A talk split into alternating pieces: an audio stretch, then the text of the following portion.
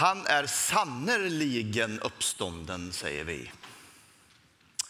Om du eh, suger lite på, på det uttrycket och funderar över vad det är du egentligen hälsar dina trossyskon med en sån här morgon. Han är sannerligen uppstånden. Är det sant? Är det sant att han lever? Vad kan vi egentligen veta om Jesu uppståndelse? Låt säga att vi nu initialt närmar oss den här frågan lite som en forskare och ställer oss frågor som vi kan få svar på. Så är det nog så att forskarkåren är ganska överens om att Jesus var en historisk person som dog genom korsfästelse. Det vet vi. Han var en historisk person som dog genom korsfästelse.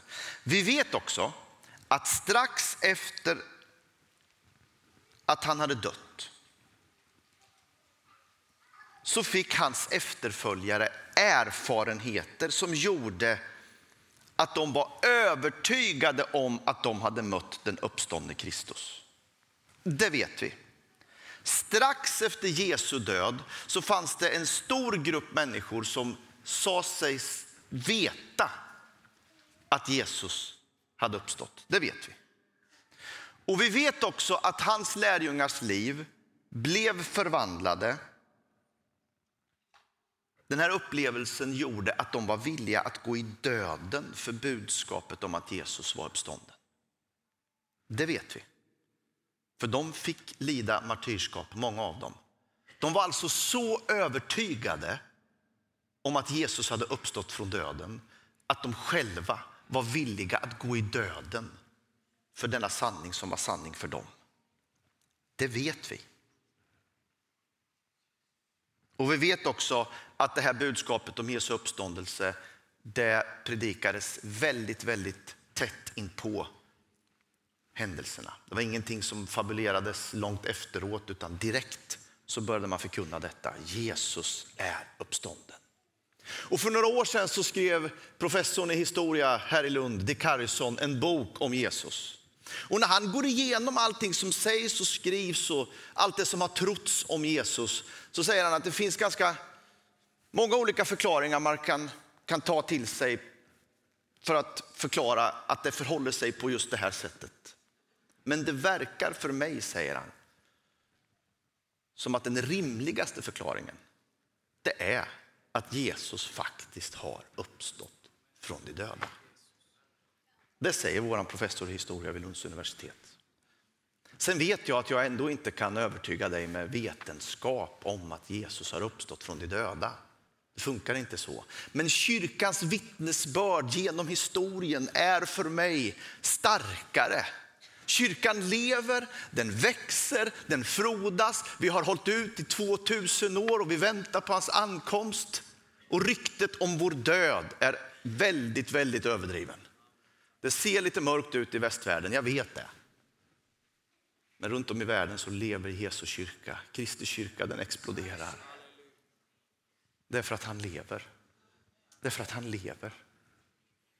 Och med det sagt så Ja, vi reser oss igen, vi gör det. Och så lyssnar vi på texten ifrån Johannes evangeliet, det 20 kapitlet och de första 18 verserna. Tidigt på morgonen efter sabbaten medan det ännu var mörkt kom Maria från Magdala ut till graven och fick se att stenen för ingången var borta. Hon sprang genast därifrån och kom och sa till Simon Petrus och den andra lärjungen, den som Jesus älskade, de har flyttat bort Herren ur graven och vi vet inte var de har lagt honom. Petrus och den andra lärjungen begav sig då ut till graven. De sprang båda två. Men den andra lärjungen han sprang fortare än Petrus och kom först fram till graven. Han lutade sig in och såg linnebindlarna ligga där, men gick inte in. Simon Petrus kom strax efter och han gick in i graven. Han såg bindlarna ligga där, liksom duken som hade täckt huvudet. Men den låg inte tillsammans med bindlarna utan ihoprullad på ett ställe för sig. Då gick också den andra lärjungen in, han som hade kommit först till graven. Och han såg och trodde. Ännu hade de nämligen inte förstått skriftens ord att han måste uppstå från de döda. Lärjungarna gick sedan hem igen, men Maria stod och grät utanför graven. Gråtande lutade hon sig in och fick då se två änglar i vita kläder sitta där Jesu kropp hade legat, en vid huvudet och en vid fötterna. Och de sa till henne, varför gråter du kvinna? Hon svarade, de har flyttat bort min herre och jag vet inte var de har lagt honom. När hon hade sagt det vände hon sig om och såg Jesus stå där.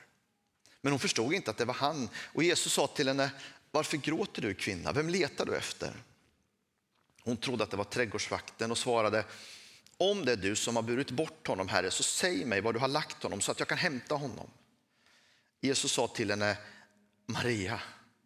Hon vände sig om och sa till honom, Rabuni. Det är hebreiska och betyder mästare. Jesus sa, rör inte vid mig. Jag har ännu inte stigit upp till min fader. Gå till mina bröder och säg dem att jag stiger upp till min fader och er fader, min Gud och er Gud. Maria från Magdala gick då till lärjungarna och talade om för dem att hon hade sett Herren och att han hade sagt detta till henne. Herre Jesus Kristus, tack att du gör ditt ord levande och verkligt i våra liv idag, Herre. Tala till oss, vi ber. I Jesu namn. Amen. Varsågod och sitt.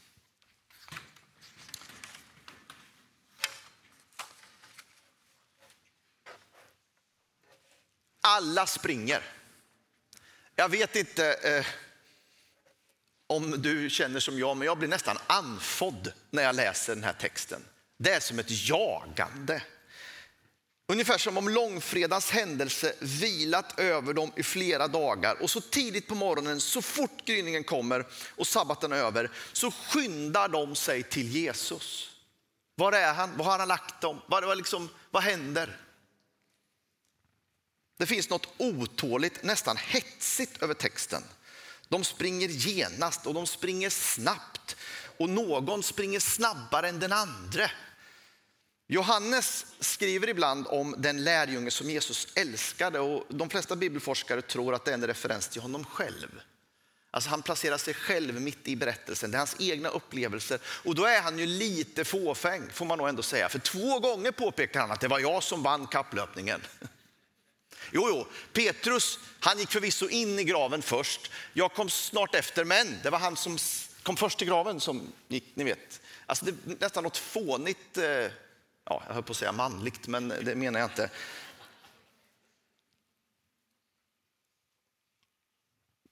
Och på förekommande anledning så är Maria, Petrus och Johannes på jakt efter Jesus. Det är honom de har förlorat och det är honom de vill ha tillbaka. Det är honom de sörjer. Och man saknar det som man inte har. Så är det. Man saknar det som man inte har. Och nu hade de inte längre Jesus hos sig. Och de är ivriga.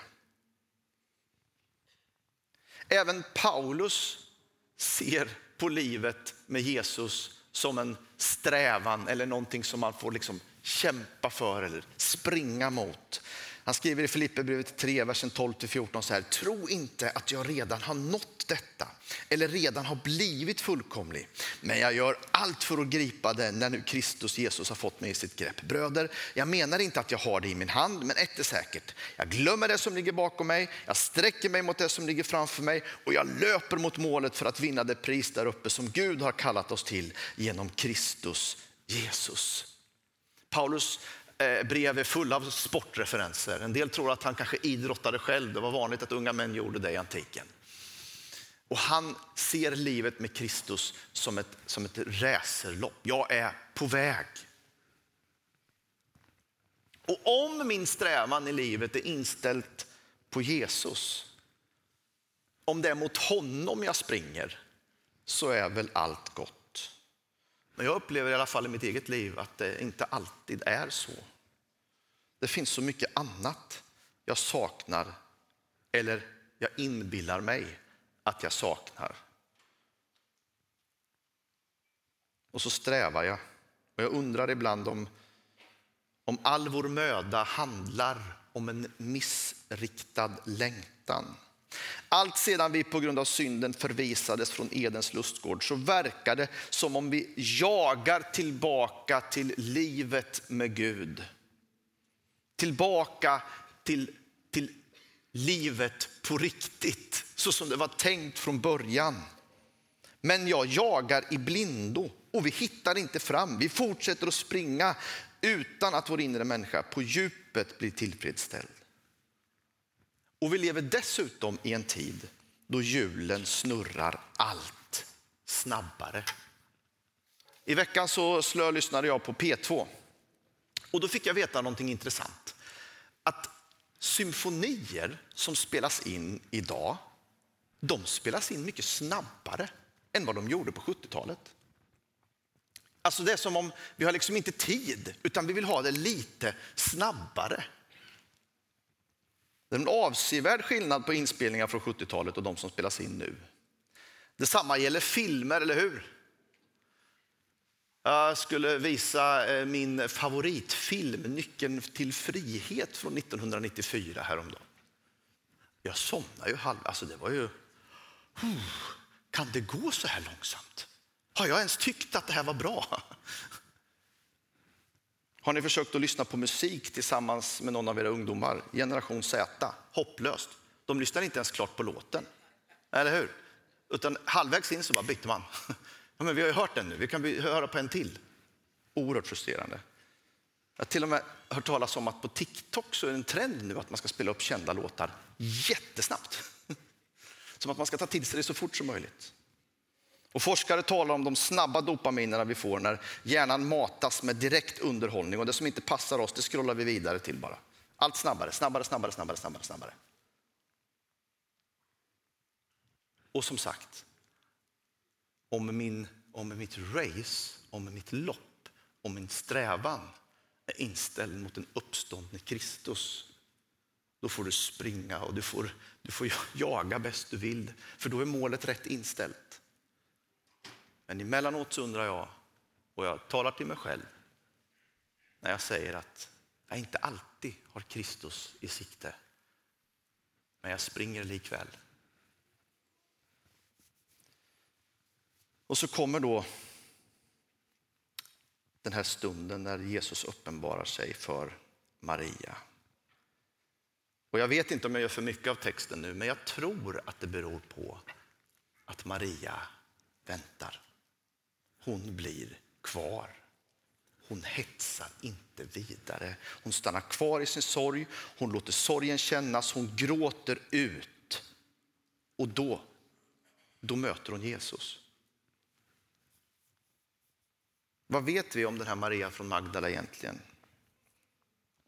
Ibland brukar hon beskrivas som en prostituerad, det vet vi ingenting om. Men hon var en av de kvinnor som följde Jesus tillsammans med lärjungarna för att tjäna honom. Det är också en sån där historiebeskrivning som vi sällan har klart för oss. Men bredvid de tolv lärjungarna fanns det också ett stort antal kvinnor som betjänade, som var närvarande, som hjälpte till. De var också hans, i hans lärjungakrets. Hon hade blivit botad ifrån sju demoner. Hon fanns vid hans kors och det står att hon tillsammans med Jesu vänner och de andra kvinnorna såg allt sammans. Men det var bara Maria från Magdala och hennes väninnor som följde med ända till graven för att se var han lades. Och I Lukas evangeliet så står det att hon och den andra Maria satt vid graven efter att den hade förslutits. Och det var hon och hennes väninnor som hade gjort i ordning välluktande örter och oljor för att smörja hans kropp. Ett liv i tjänst och nu skulle hon göra denna sista tjänst. Hon följde in i det sista. Hon följde in i döden. Närvarande i ordets rätta bemärkelse. Nära nu och väntande. Allt som hon har upplevt av honom. När de andra såg att han var död, då var det slut. Men för Maria fanns det en, en nivå till. Hon ville tjäna honom med det hon hade, med det, med det hon hade som, som tillgängligt i sitt liv. Den här dyrbara liksom, balsamblandningen, skulle smörja hans kropp. Otroligt liksom nära och intim handling. Vi befattar oss ju inte med döden idag. Men det var som att hon liksom blev kvar i sin sorg, nära. Och det verkar vara något med Guds uppenbarelsen och konsten att invänta och stanna kvar. Och det kanske rimmar lite illa i vår tid när allting ska gå så fort. Johannes döparen ställer frågor från sitt fängelse. Är du den som ska komma eller ska vi vänta på någon annan? Under den sista måltiden, eh, eller rättare sagt kanske den första måltiden, när Jesus äter med sina lärjungar efter uppståndelsen, så säger han åt dem att gå till Jerusalem och vänta på det som Fadern har utlovat, den heliga anden. Paulus använder också ofta uttrycket vänta, främst i relation till Jesus och hans återkomst. Vårt hemland är himlen och därifrån väntar vi också den som ska rädda oss, Herren Jesus Kristus. Mose får i uppdrag att bestiga berget Sinai för att där vänta på Gud. Bibeln är full av människor som får vänta på Gud. Åren går, inget händer, men de väntar. Och här upplever jag en paradox i mitt eget liv. För ibland tänker jag att vänta, det är att vara väldigt, väldigt overksam. Jag gillar att göra grejer och jag fattar ju att jag kan inte vänta på att barnens sovrum ska bli målade nu när de har flyttat ut och jag ska få göra någonting annat av de där rummen. Jag kan inte bara vänta på att, att det ska hända, det hade varit bekvämt. Men jag måste ju in dit, ta på mig kläderna, skita ner mig lite och jobba för att något ska hända. Eller hur? Och ibland så lurar jag mig själv i alla fall att detsamma gäller med mitt liv med Kristus. Att jag måste, likt Paulus, jobba, slita, kämpa, sträva. Var är du Herre? Och ibland tror jag nästan att jag måste hålla Gud under armarna i den här tiden. Om inte vi ska evangelisera, vem ska då, ska, vem ska då höra om inte vi berättar? Vi måste ju fixa, vi måste ordna, vi måste dona. Och sen verkar det som om, när vi läser texterna, att när vi väntar, det är då det händer. När vi blir stilla, det är då vi får kalibrera vår, vår, vår människa och vår person och vår ande så att vi riktas mot Gud. Väntan verkar vara den kristnes riktning. Vi väntar på hans ankomst säger Paulus. Då har jag ju blicken fäst mot horisonten. Då har jag ju blicken fäst mot tidens slut. Då har jag blicken fäst mot... Det är som när man står på perrongen och är lite stressad över att tåget liksom inte kommer exakt 12.52. Och så blir klockan 12.53. Vart vänder man blicken då? Som om det skulle komma fortare. Så står vi och väntar. Och ibland så tänker jag att det är så i vårt liv med Kristus. Ge oss ro att vänta. Ge mig mod att dröja kvar. Att inte hetsa vidare. När jag upplever att det är ett tomrum här inne. Inte jaga vidare till nästa kick, till nästa grej, till nästa resa, till nästa pryl för att fylla det där. Utan att bli kvar och vänta på att han som lever ska fylla mig med sin heliga ande. Det är riktning att vänta. Och till sist några reflektioner om att möta den uppståndne. I Johannes beskrivning av det här så, så sägs egentligen inte så mycket med ord. Men väldigt mycket blir sagt. Inte många ord används, men mycket blir sagt. Jag älskar det personliga tilltalet från Jesus. Det är först när Jesus tilltalar Maria med hennes namn som hon känner igen honom. Jesus säger inte liksom, hej Maria, det är ju jag, känner du inte igen mig? Eller liksom, tada, han gör någon sorts entré. Liksom. Det är inte den, den attityden Jesus har när han ska möta Maria, utan han använder det mest personliga tilltalet. Maria. Mer behöver liksom inte sägas. Och Maria hon säger bara Rabuni, mästare. Det tilltalet rymmer all hennes kärlek, all hennes tacksamhet och jag tror att det gäller för Jesus också. När han säger Maria så säger han det på ett sånt sätt att hon uppfylls av hans närhet. Ni vet hur det är. Våra nära och kära kan använda våra namn och säga så mycket i tonfallet. Vi vet exakt vad de menar. Andreas! Andreas. En ganska stor skillnad. Samma ord. Men ett, ett så annorlunda innehåll. Och att möta den uppståndne Jesus Kristus, det är alltid personligt. Han använder ditt namn på det sätt som du behöver idag. Din ande kommer att känna igen sig och du kommer känna dig som hemma därför att Jesus är din bror. Vi har ju levt i Johannes eh, under en period i församlingen. Onsdagarna i mars så har vi trängt oss in i Johannes idévärld och det har för mig varit en fascinerande resa. För Johannes relation med Jesus, han som skriver det här, det är Johannes vittnesbörd vi, vi talar om. När han skriver lärjungen som Jesus älskade så menar inte han att han älskade honom mer än de andra. Utan han bara vill säga, jag har förstått att han älskar mig. Och när han skriver att han såg och han trodde så är det ett personligt vittnesbörd.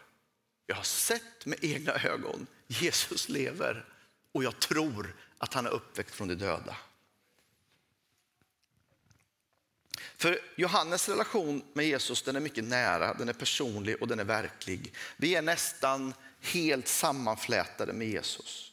Han använder biologiska begrepp för relationen till Jesus. Vi är födda på nytt. Gud är vår far, vi är hans barn.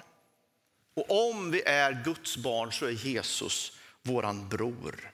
Så när Jesus vänder sig till Maria och säger, jag stiger upp till min fader och er fader. Min Gud och er Gud. Så är det som om Jesus bjuder in lärjungarna i sin intima relation med Jesus Kristus. Jag, eller med Gud Fader. Jag, jag går till Gud Fader, men det är ju min Gud på samma sätt som er Gud. Det är min fader på samma sätt som er fader. Ni har del i det ni ser nu när ni ser mig uppstånden och levande. Exakt den kraften har ni del i, för ni är mina syskon. Och helt plötsligt så går det som en elektrisk stöt genom den kristna kyrkan.